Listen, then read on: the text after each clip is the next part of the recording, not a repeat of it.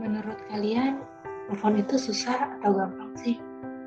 Kata orang, move on itu tentang melupakan.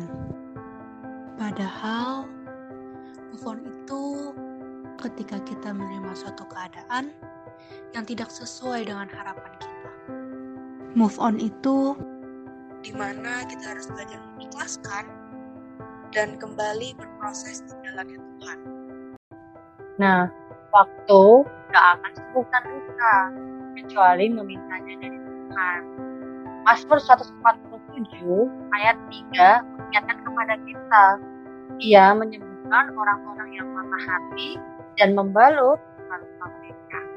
Jadi biasanya kalau kita lagi patah hati itu rasanya sedih banget sendiri, kayak orang-orang nggak care sama kita, kita nggak punya siapa-siapa. Tapi yang paling penting di sini adalah kalian harus cari komunitas yang membangun kalian cari kegiatan-kegiatan yang positif.